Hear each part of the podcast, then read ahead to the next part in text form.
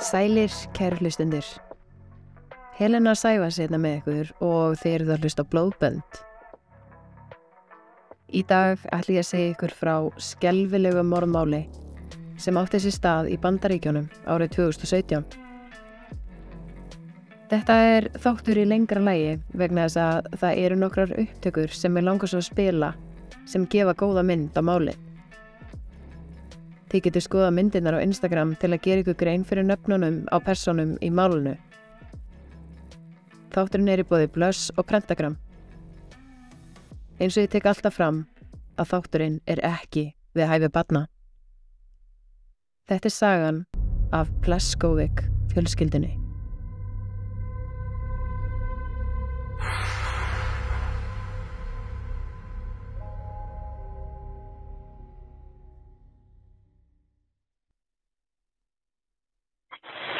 Southwest this 911. What's the address of your emergency? Uh, somebody, somebody's been attacked in my house. Somebody's been what? Attacked. Uh, what's the address? Home. Uh, one seven seven eight four Blazing Star Drive. They attacked who? Who was attacked? Uh, Someone get I, my uh, fires. uh, uh, Mel Pleskovic. Mel Pleskovic was attacked. He was attacked by whom? Do you know? She, she was. No, we we just came home. She's on the kitchen floor. I, I took the. I took her son and my daughter outside. Her husband is inside with her now. So the husband attacked? No, no, no. We just came home. We just came home. You came home and found her injured on the floor? We found her in the kitchen. She's not moving. I, I took the kids and I walked outside. I didn't know. So what to does do. she look like she was beaten or what? She, she has blood all around her. I didn't. I didn't look. I just grabbed. I grabbed the child and left. Okay, hold on. So we we have two small kids. Okay, okay. outside. Okay, hold on. I'm going to get fire going. Hold on a moment. Pleskovic hjónin voru þau Bruce og Melinda og byggu í fjölskylduvænu og má segja glæpalausu hverfi í Strongsville í Ohio í Bandaríkjónum. Glæpinni gerðust klálega í öðrum hverfum allavega þangu til sagan okkar á sér stað. Í kjallaránum á heimili hjónuna byggu Anna Pleskovic, tvítug dóttir þeirra, sem vann á veitingahúsinu Applebee's og verðandi eiginmaður hennar Jeffrey Scollin Jr. sem var tvítugur en hann var alltaf kallaður Jeff. Hann var frekar latur og slappaði yfirleitt bara af heima á bótum. Þau hefðu verið saman frá því að þau voru grunnskóla og áttu 15 mánaða gamla dóttur, Aurora, sem bjó einnig hjá þeim í kjallaranum. Þau voru þá orðin ómentaðir fóreldrar mjög ung og ekkert smá heppin að með að búa í kjallaranum svo hlutinni gengi upp þrátt fyrir allt saman. Pleskovic hjónin áttu þrjú börn. Anna var elst, svo var það Megan Pleskovic, 19 ára, en hún bjó á skóla heimavist. Yngstur var sonurinn Kyle, 18 ára, sem bjó heima hjá þeim. Hann var með Down syndrom og gat lítið tjá sig með orðum, en var yfirleitt alltaf brosandi og hlæjandi. Þetta var ósköp venjuleg, falleg fjölskylda, en Melinda var fyrir um kennari til 27 ára og var virkilega vel liðin allstaðar þar sem hún kom að. Hún var alltaf jákvæð, brosandi og hjálpandi öllum sem þurftu á að halda. Ef einhver þurfti að bjóða sér fram í eitthvað, hvað sem það var tengt hverfinu, börnunum hennar, íþróttastarfi eða hvað sem er, var hún fyrst til að réttu pönd. Hún var svona knúsumamma sem allir elskuðu sem kynntust henni. Hún sá alltaf til þess að engum skorti neitt og fór aldrei fram á neitt í staðinn. Melinda og Bruce, sem var einn af yfirmönnum bankans í bænum, voru líka hamingjusamlega gift og voru bestu vinir.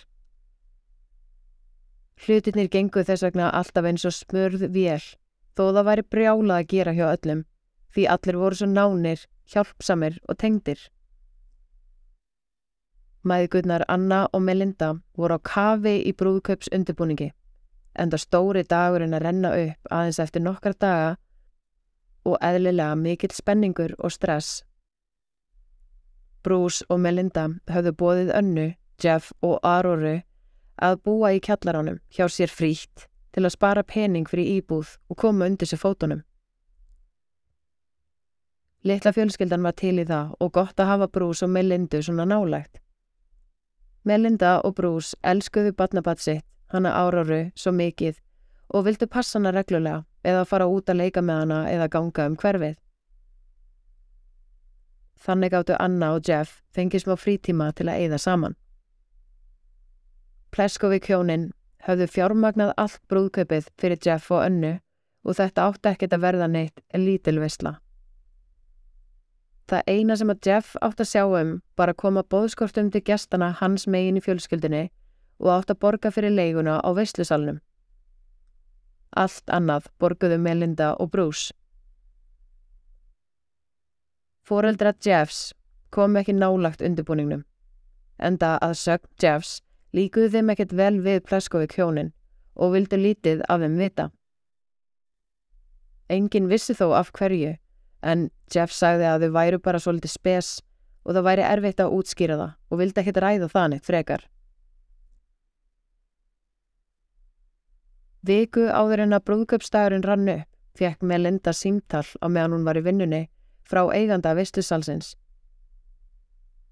Henni var tjáð að ef þið borguð ekki leiguna á salnum þannan sama dag þyrft hann að finna annan leianda fyrir þessa dagstendingu. Melinda skildi ekkit í þessu. Jeff átt að vera búin að borga salin og hann sagðist að hafa gert það. Leigusalinn sagði að reynd hafi verið 14 sinnum að nota kortið hans Jeffs en alltaf var það sinnjað.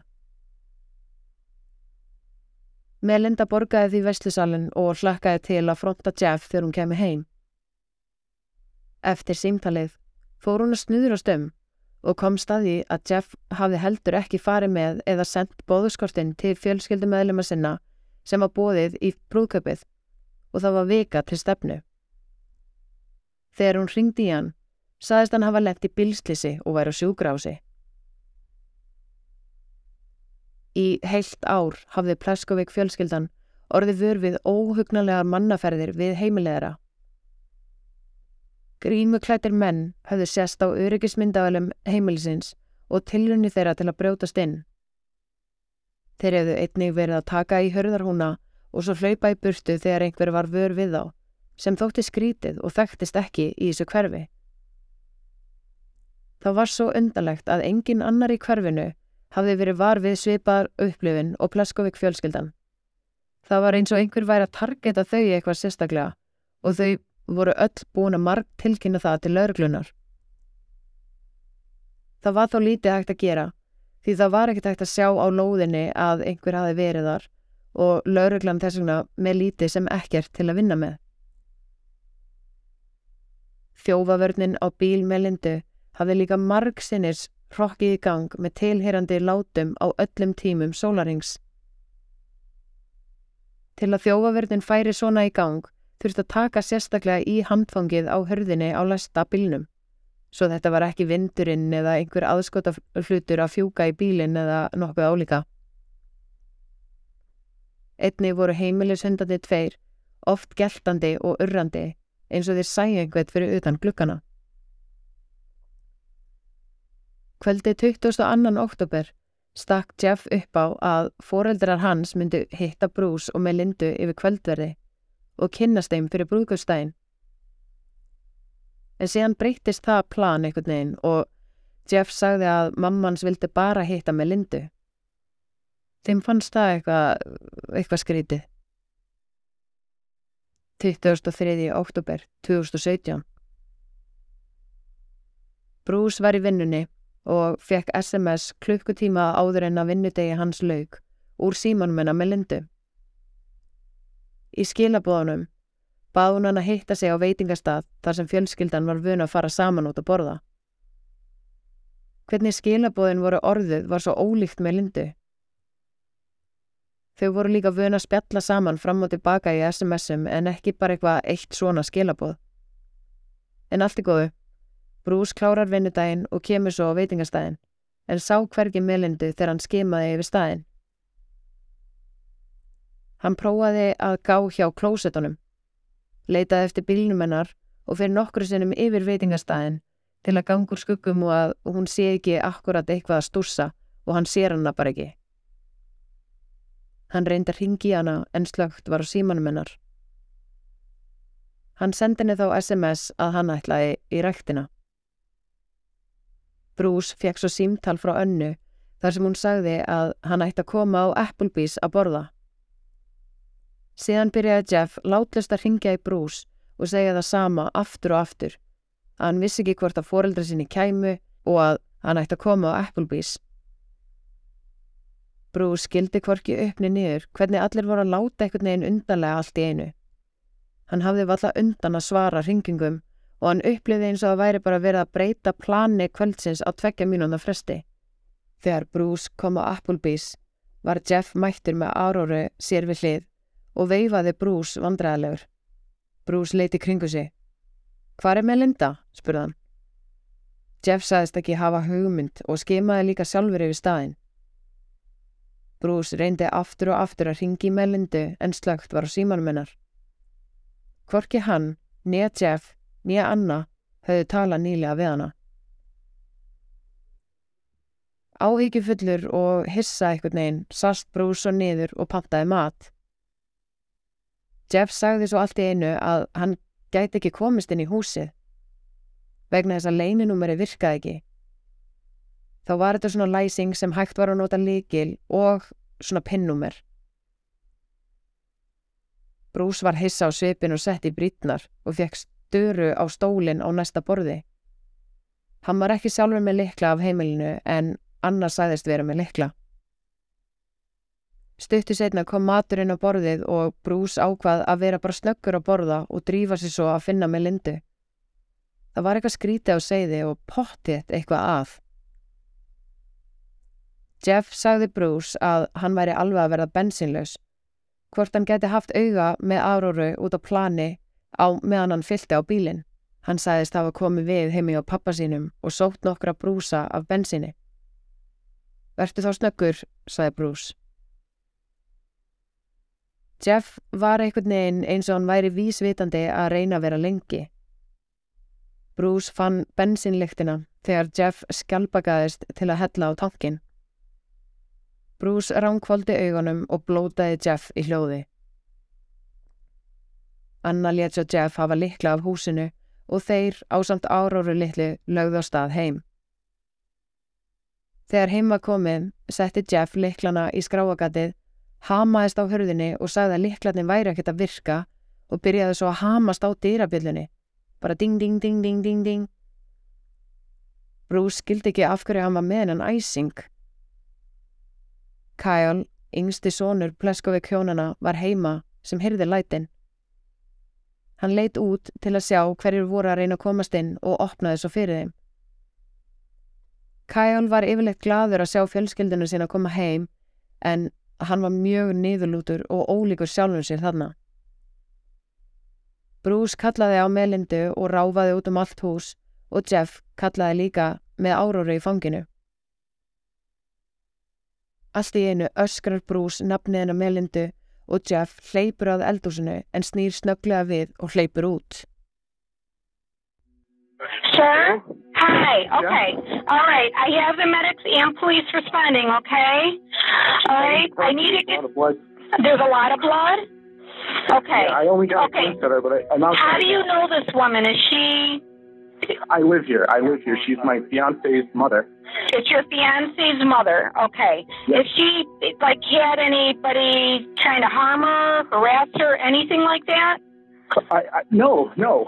What is your name? He's right here. I have Kyle. My name's Jeff. I'm Jeff Scully. Spell your last name, Jeff. S C U L L I N. Bruce. Bruce Okay. Who's talking to you right now? That's uh, Bruce Pleskovic. He's uh, her husband. We just came home together. Okay, and what's Bruce telling you? Is she conscious? She's, she said she has multiple stab wounds, and he's on the phone with somebody else. Okay, she's got multiple stab wounds. That's what he just came out and told me. We hear the ambulance. Okay, they're coming, okay? Yeah. Yeah. Okay. Do you see any like forced entry or anything to the house? I, I'm, I'm outside. The door was locked. The door was locked? The, the front door is locked. Okay. We, Okay. All right. Are you guys all outside right now? I'm outside. Bruce, Bruce is inside. I think. I don't know where he is. He, he was running in and out. I don't know what's going on. He on. was running in and out? Okay. I have a male. There's two males there and two children right now. I'm outside by the red truck. Okay.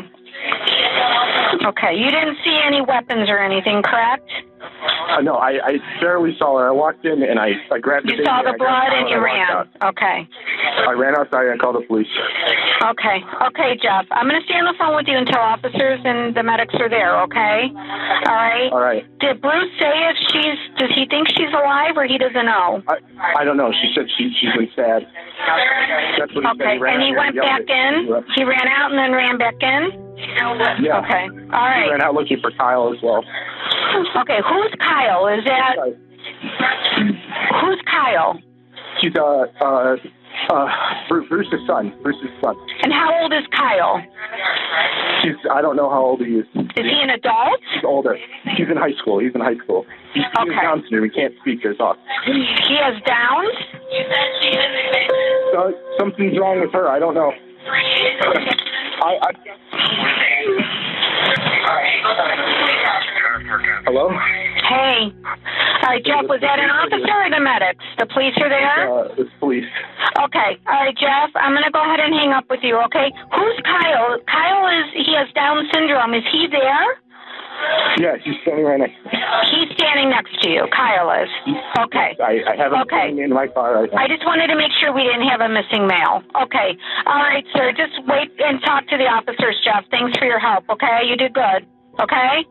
And, uh, and I'm sorry for the circumstances, okay? All right. All right, all right, Bye-bye. all right.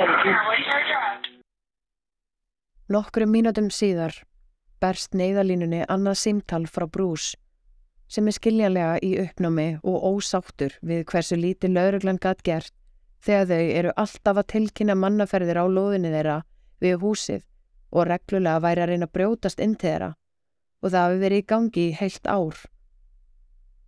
Nú hefðu þeir drepið konunans. 911, what's the city of your emergency? Strongsville, Ohio. We have people on the way already. What's the address? We're blazing start. I think someone killed my wife.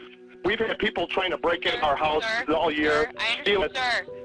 I need to ask you questions, okay? Are you there right now? I just got in the door with my new son-in-law. My son was okay, here with her. Sir, what I want you to do is walk outside and stay in the front, okay? You said she's stabbed in the back? Yeah, I don't want to. Yeah. If you don't, I think you she- can start I don't think she's. Her face hit the ground and there's blood. There's a but pool of blood. See if she's breathing. No, she is not. Do you As soon as I got in, start CPR? no. Do you see anyone else in the home? My son was here. He has Down syndrome. Supposed to. She sent me a text to meet me at Brew Kettle at 4:25. I didn't hear from her. I didn't expect this. No, sir. I understand you're upset, but where's Kyle at in the home? Is He's outside with Jeff, our son-in-law. You know, we've asked people to watch our frickin' area. We've had people attempt to break in just this week. Sir, I I don't know what's going on in this city, Sir? but this is getting done here. I understand you're upset, but can you give me your name, mm, please? No, you, Sir, you people dropped them. Sir, can you just take a deep breath? Is there any... This whole city's getting freaking taken over. Sir, I understand you're upset, but I need you to stay focused, okay? You don't think you can perform CPR, correct? She's in the Go- kitchen. I can't believe this. Okay, what's your... We've, we've had people trying to break in our house, all, like a lot. They flash our cameras. We're getting targeted, and I don't know by who's doing this, but I'm pissed. Oh, do you see the medics there, or the police there yet? Everyone's here. Okay, go speak with the police officer. I'm going to disconnect with you, okay? I can't believe this. Could you go speak with the officer that's there? I was trying to text her all time to go out to eat. We always, it's our usual routine. Sir, do you see the officer there? What's that? Do you see the I have officer? two officers here. Okay, go speak with them. I'll hang up with you. Yeah. Melinda hafði verið stungin 35 sinnum með hnífi og skotin þrísa sinnum í bakið. Sem sagt svona overkill, sem þýðir að morðingin heldur áfram að stinga eða skjóta manneskuna þegar greinilegt er að hún sé dáin. Þegar um er að ræða svona overkill eru einhvers konar tilfinningar í spilinu, eins og morðingin fái loksins einhverja útrás og getur ekki stoppað að stinga eða skjóta. En áður um við höldum áfram ætlum við að heyra örstuttar auðlýsingar frá styrstaraðalum þáttana. Pentagram er fyrirtæki sem sérhæfi sig í gæðum á ljósmyndaförum á fárálega góðu verði og faglegri innrömmun sem setur algjörlega punktin yfir yðið þegar kemur að fallegri mynd upp á vegg eða til að gefa í gjöf. Ég hef verslað við Pentagram í nokkur ár og ég er alltaf jafn ána með það sem ég fæ í hendunar. Frelsaði myndinar úr símanuðinum og hafði þær í kringum þig. Hægt er að velja um ljósmyndaprentun á háklassa ljósmyndapapir, glasamottur, dagatöl, framgöllin fyrir myndalbum, glerama, bóðskort og myndir á segul, bara svo eitthvað sem nefnt. Notaðu afsláttakóðan blóðbönd í greiðsluferlinu og þá dettur inn 20% afsláttur á pöntununa þeina. Það verður engin svekin hjá Pentagram.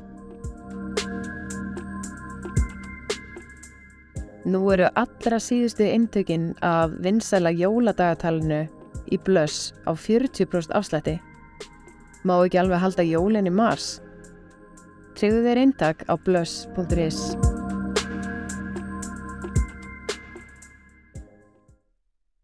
Íbúar Strongsville voru skiljanlega í áfalli út af því sem hafi komið fyrir og að það hafi verið með Linda svona hróttalega myrt. Pleskovík fjölskyldan var öll yfirheyrð varðandi þessar tilrunir til innbrota og mannaferðana sem að höfðu gengið á í heilt ár. Ég ætla að leiða ykkur að heyra Jeff útskýra hvernig dagurinn var. we were to all meet for lunch. No, not lunch, dinner. And we were going to go to Applebee's, and then we were all meeting there. Who's, who's all? Me, Mel, Bruce, Anna's going to be serving us. Kyle's going to be there. And then she asked if my mom could be there because I talked about trying to get them all together. Did you say Megan? No, Megan, I think Megan was at school. Was she? This, are you telling me this is a conversation you're having while Mel's home? No, this was all stuff we talked about the night before, but then she said she didn't want to do it. She had other stuff to do. And then she said she was going to the doctor for something with her foot. When, when did Mel cancel on you? Right when she walked in the door, she's like, Hey, I have other stuff to do today. We're not going to dinner. And I was like, Okay, Okay. whatever. And you let your mom know? No, You just you, I was going to surprise my mom and pick her up because it's hard to get a hold of her with stuff. I'm surprised what do you mean? Mel Like just- canceled, so you're still gonna go to dinner with her? I was going to go to dinner either way to see Anna with the baby. Or with your mom? No, with the baby. I wasn't even going to pick up my mom if, if, she, if she's not going. My Mel's. Yeah, but uh, so I, so I asked you, did you call your mom and tell her that we're not meeting? And you said no. I'm gonna No, I was surprise going you." to surprise my mother with the whole thing. Uh, she gets home right at like five thirty. I was gonna go over there, pick her up, and then come back. But since you canceled, I just didn't, see the need. Okay, so your mom doesn't know about this meeting. No, no. I mean, she might have, unless I mentioned it on the phone. Is that a problem? Or Jeff var ekkert að hafa fyrir því að segja Bruce á Applebee's að Melinda hafði ekki geta komið með og sagt að hún væri upptekinn í öðru. Bruce hafði ekki hugmyndum að Melinda væri upptekinn innan gæsalaba og sagði við Bruce að hann hafi ekki haft hugmyndum hvar hún væri. Hver vildi Melindu svona illt?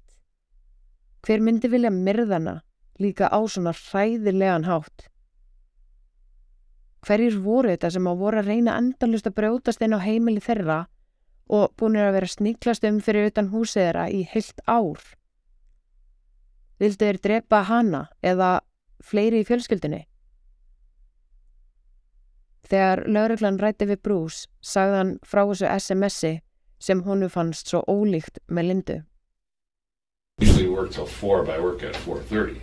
I worked. I worked till four thirty today. Yeah, because since I was in late, I just wanted to, you know, at least stay a little later, show a little, you know, that I'm not bailing, you know. But Uh, so, but it was kind of weird. I was at my desk, and that's when I got the test to meet me at the Brute Kettle. And if you saw the statement I wrote tonight, it makes no sense that Mel Mel doesn't meet you at Kettle. Mel doesn't send texts like that. We always, you know, our thing is we go out since we both work. We go out to eat a lot. You know, we meet meet up, but it's always about hey, you want to go out to eat? You want to go out, or you want to eat at home? Or we go back and forth. We always take a while because we don't know what we have we have taste for. And you'll you'll see my sta- the statement that I wrote.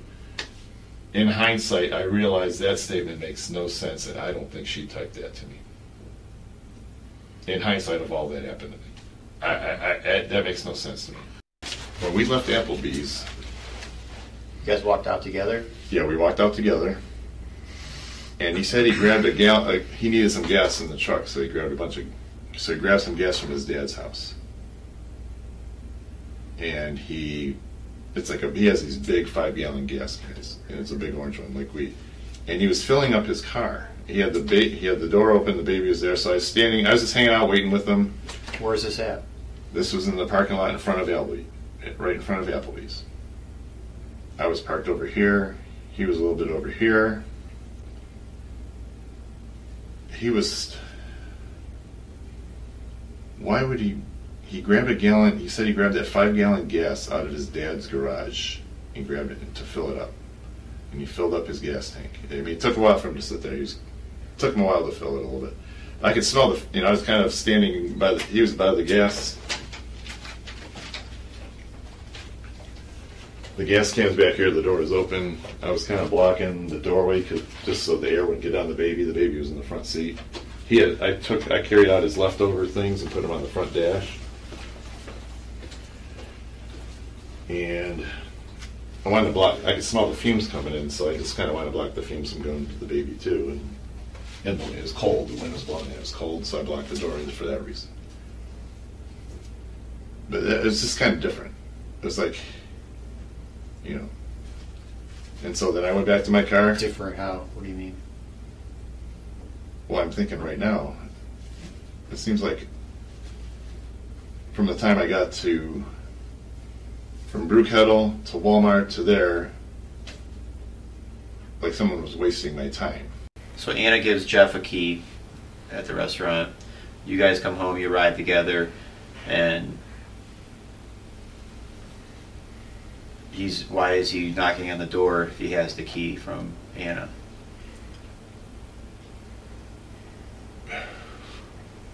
Because I have a feeling the key. You know, that's a good question. When Anna gave him the keys, was there one or two? I couldn't tell what was in his hand. Did you see him But physically put a key into the door, not be able to get it- in? Yeah, and it wasn't somehow it wasn't working, so that's why you banged on it. But Kyle was able to unbolt it, and he, he's the one who let us in. And Jeff hit the doorbell about five or six times, bing, bing, like right in front of you. Bing, bing, bing. It's like, relax, you know. It's like, but then what happened right after that?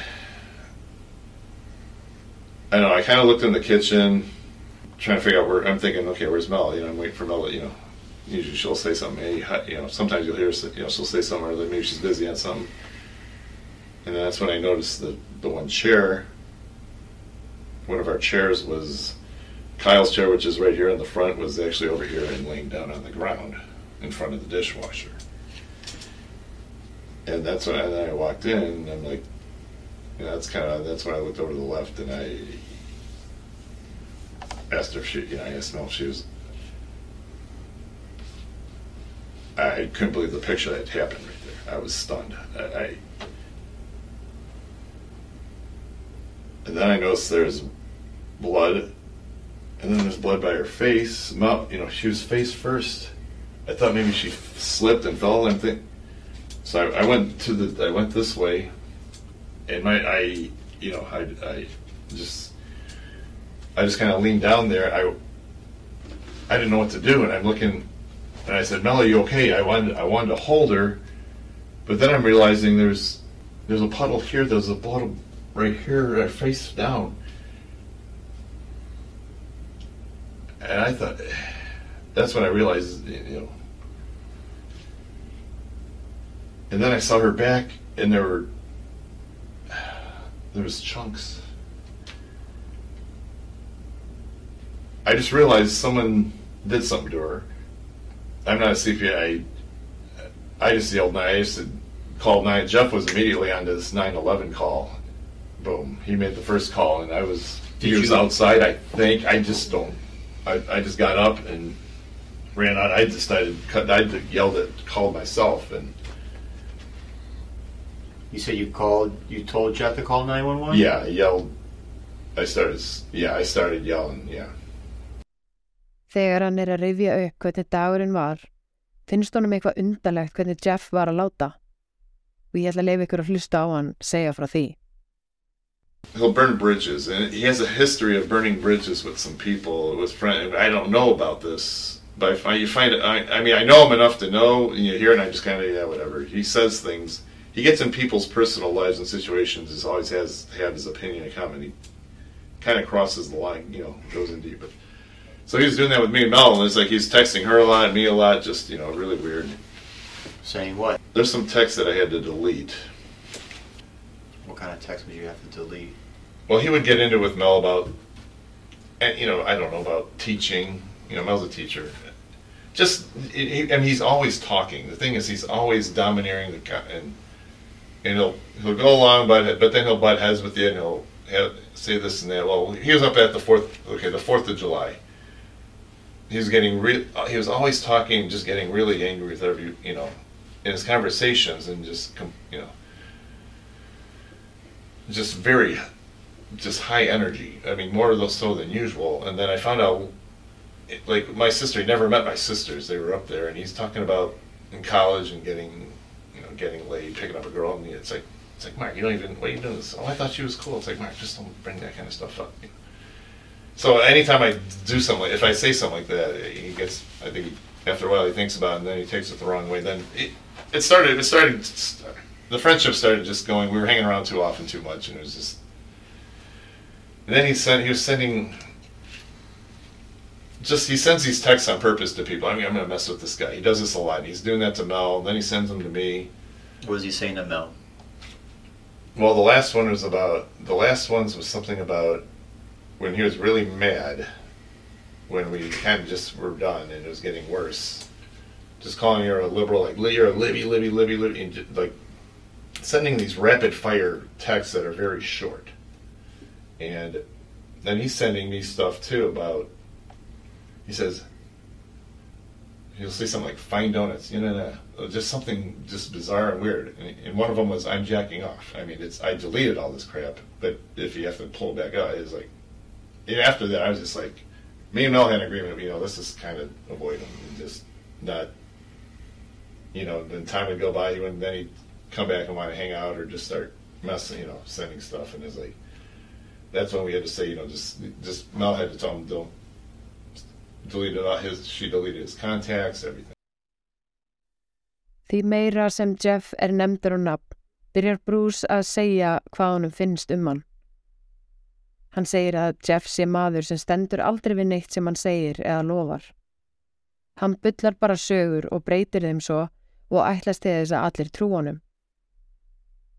Svo var eitthvað svo undarlegt að hann hafi ekki sendt út bóðskortin eða borgað leiguna á veislusalnum.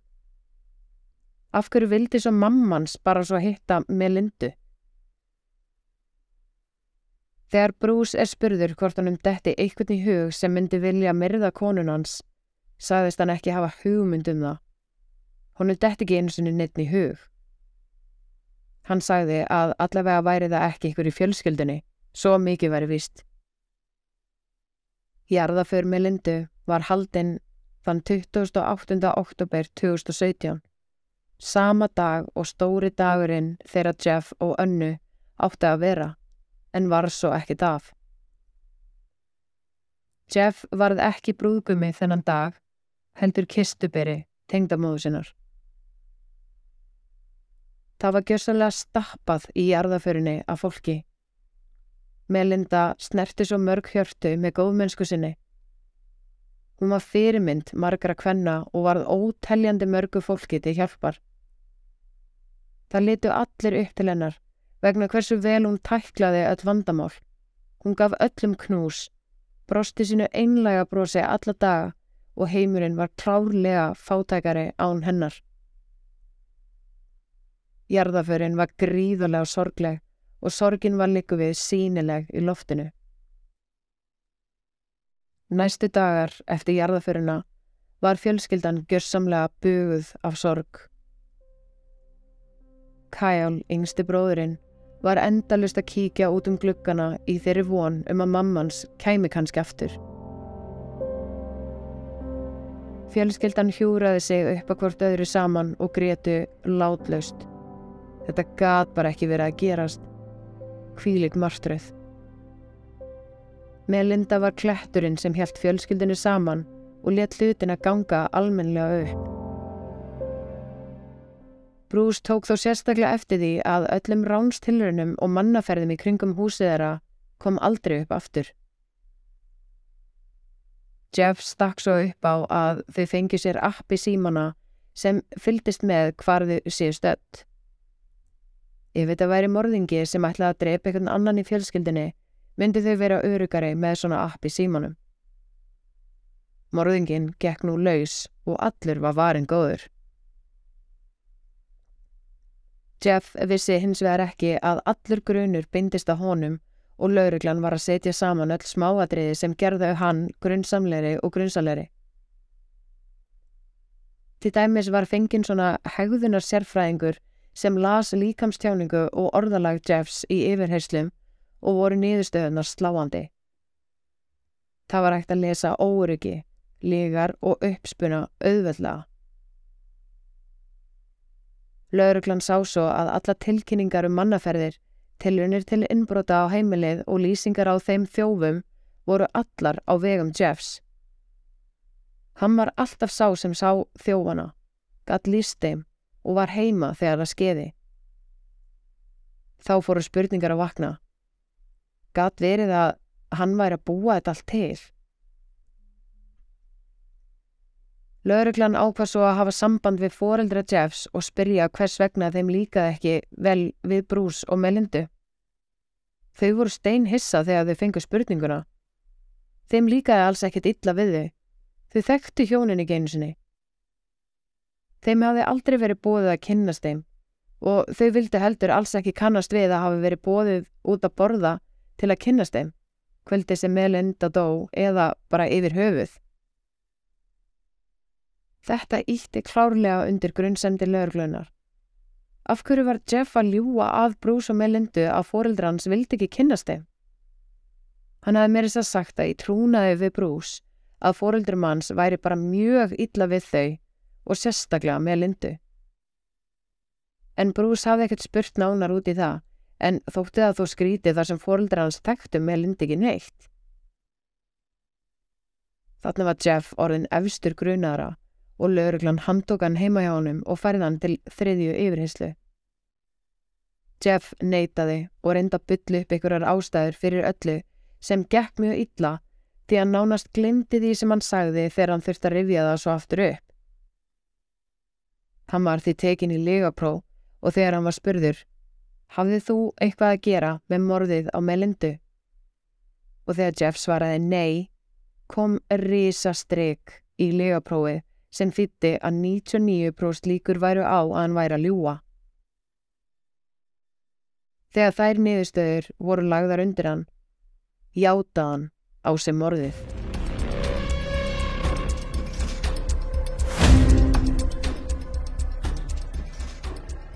Það sem neldi sökans á morðinu var að við leiti bílnum hans fannst stór, blóðugur nýfur falin í bílnum hans og tilherði blóðið með lindu sjálfri.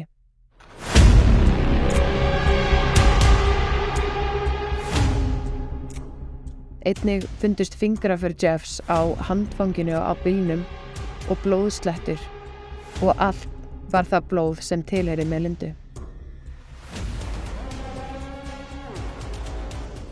Hann viðu kendi svo að hafa sviðsett þessi rán við heimili Pleskovík hjónana. Hann sagðist meira sig að sjálfur hafa leikið þjóf eða borgað fólki fyrir að gera það fyrir sig sem vantaði pening.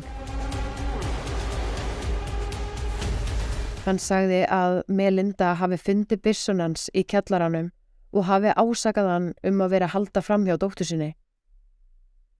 Hann sagði að hún hafi orðið alveg brjálið og hafi byrjað að öskra á hann og benda byssunni í áttina til hans. Hann hafi þá náð að hrifsa byssuna einhvern veginn af henni og skotið hana þrísvar í sjálfsvörð. Hann sagðist þó ekki hafa munað að hafa stungið hana 35 sinnum. Bruce, Anna og Megan stóðu í dómsalnum frammi fyrir dómaranum, Kviðdómi og Jeff sjálfum og sögðu tilfinningar sínar í hans garð. Þau vonuðist öll að hann fengi aldrei að líta dagsins ljósa frelsi aftur eftir að hafa svift svo marga þessa indisluðu konu í burtu frá svo mörgum. Konuna sem hjælt fjölskyldinu saman. Hér fá, fáið að heyra smá part úr því sem Anna, fyrirverandi konan hans sem ætlaði að giftast honum, hafði að segja. Jeffrey needs to never have the option to inflict this pain on another human being again because he most definitely will kill again. He is a manipulator, a pathological liar, a thief, a sociopath, and above all, a sadistic murderer. He shows no remorse and deserves to spend his days away from the innocent. Sincerely, myself, Melinda's daughter, and his ex-fiance. Að lókum ætla ég að lefa ykkur að heyra dómaran hveða upp dóminans með hennar orðum.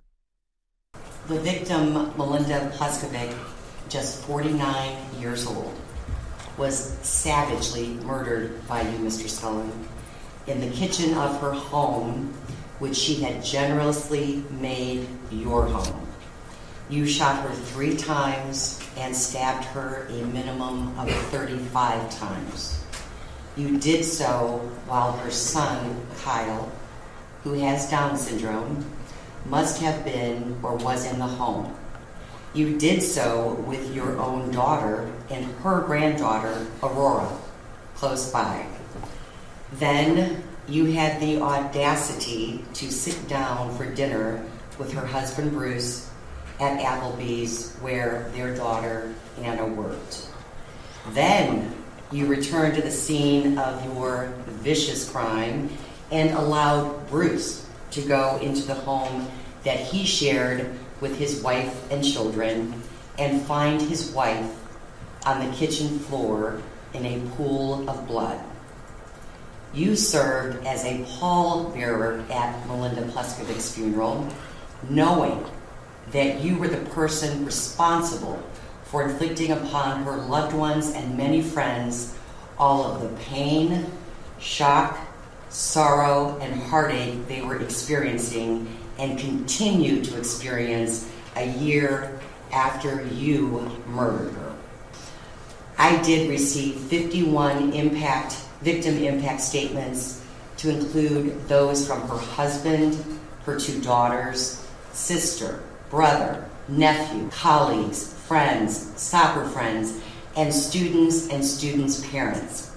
I read each and every one of those letters, and the words used to describe Mel include, and I've taken these directly from those letters awesome teacher, amazing friend, the rock that held her family together. There is no more serious offense than what you uh, committed upon what has only been described as a wonderful wife, mother, friend, colleague. For legal reasons, you pled no contest. Of course, that's hurt the family because there's no true acknowledgement or remorse that you've displayed at this point in time. But again, I understand that you have legal rights and are reserving those rights. So I'm not, I cannot, by law, technically hold that against you at this juncture. But again, based upon the letters that I've read, you've not shown any remorse to anyone throughout this process. And again, as explained to me in those letters, of Mel's family and friends who had the opportunity to speak with you and watch you in the days following her murder to include at her funeral find your actions and attitude after you murdered her to be incomprehensible and abhorrent. And what I think so tragic is that Mel's son Kyle does not understand where she is and continues to look for his mom every day. That is so sad. And you did that. Therefore, on the aggravated murder count, count one that you pled guilty to, the court imposes a sentence of life imprisonment with the possibility of parole after 30 years. The three year firearm specification or the three years for that firearm specification must be served prior to and consecutive to uh, that term, meaning that you will not be eligible for parole until you have served 33 years. With regard to count five, tampering with evidence, that's the felony of the third degree. The court is imposing a prison term of 36 months on that count. With regard to count six, making false alarms, the misdemeanor of the first degree, the court is imposing a period of local incarceration of 180 days. And with regard to count seven, endangering children, again a misdemeanor of the first degree, the court's imposing a period of local incarceration of 180 days. Þá er þessu ótrúlega og sorglega máli lokið. Ég náði einhvern veginn ekki raunverulegri ástafi fyrir því að Jeff myndi vilja myrða tengdamóðu sína og hafði greinilega verið að plotta og plana að gera það allan enn tíma sem hann og Anna fluttu nýður í kellanan til þeirra. Af hverju ætla hann hafi viljað myrðana þegar hún gerði ekkit annað en að hjálpa og veit honum frítt húsnæði og svo miklu meira það? Og það var líka eins og hann vissi að ekkert yrði af brúðköpunu. Þess vegna senda hann ekki bóðskortin og borgaði leiguna á salnum.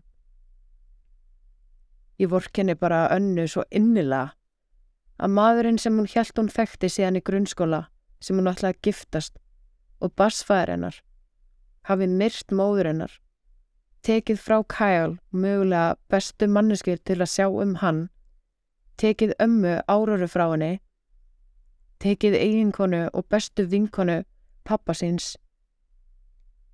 Þetta mál er bara svo óendanlega sorglegt og óskiljanlegt og ég vona hann rótni í fangelsi það sem eftir er. En þá er komið að lokum í dag. Ég vona að lengdin á þættinum hafi ekki farið í taugarnar á okkur. Heldur langaði mig ekki að splitta þessu máli í tvent eða sleppa einhverjum af upptökunum. Það er hægt að skoða yfirreyslunar og dómsmálið mikið betur fyrir þá sem að hafa áhuga á því. En ég vil minna á hexdesign.is og Instagram síðu þáttarins. Hafið það sem allra best og takk fyrir að hlusta. Þá getur næst, góða stundir.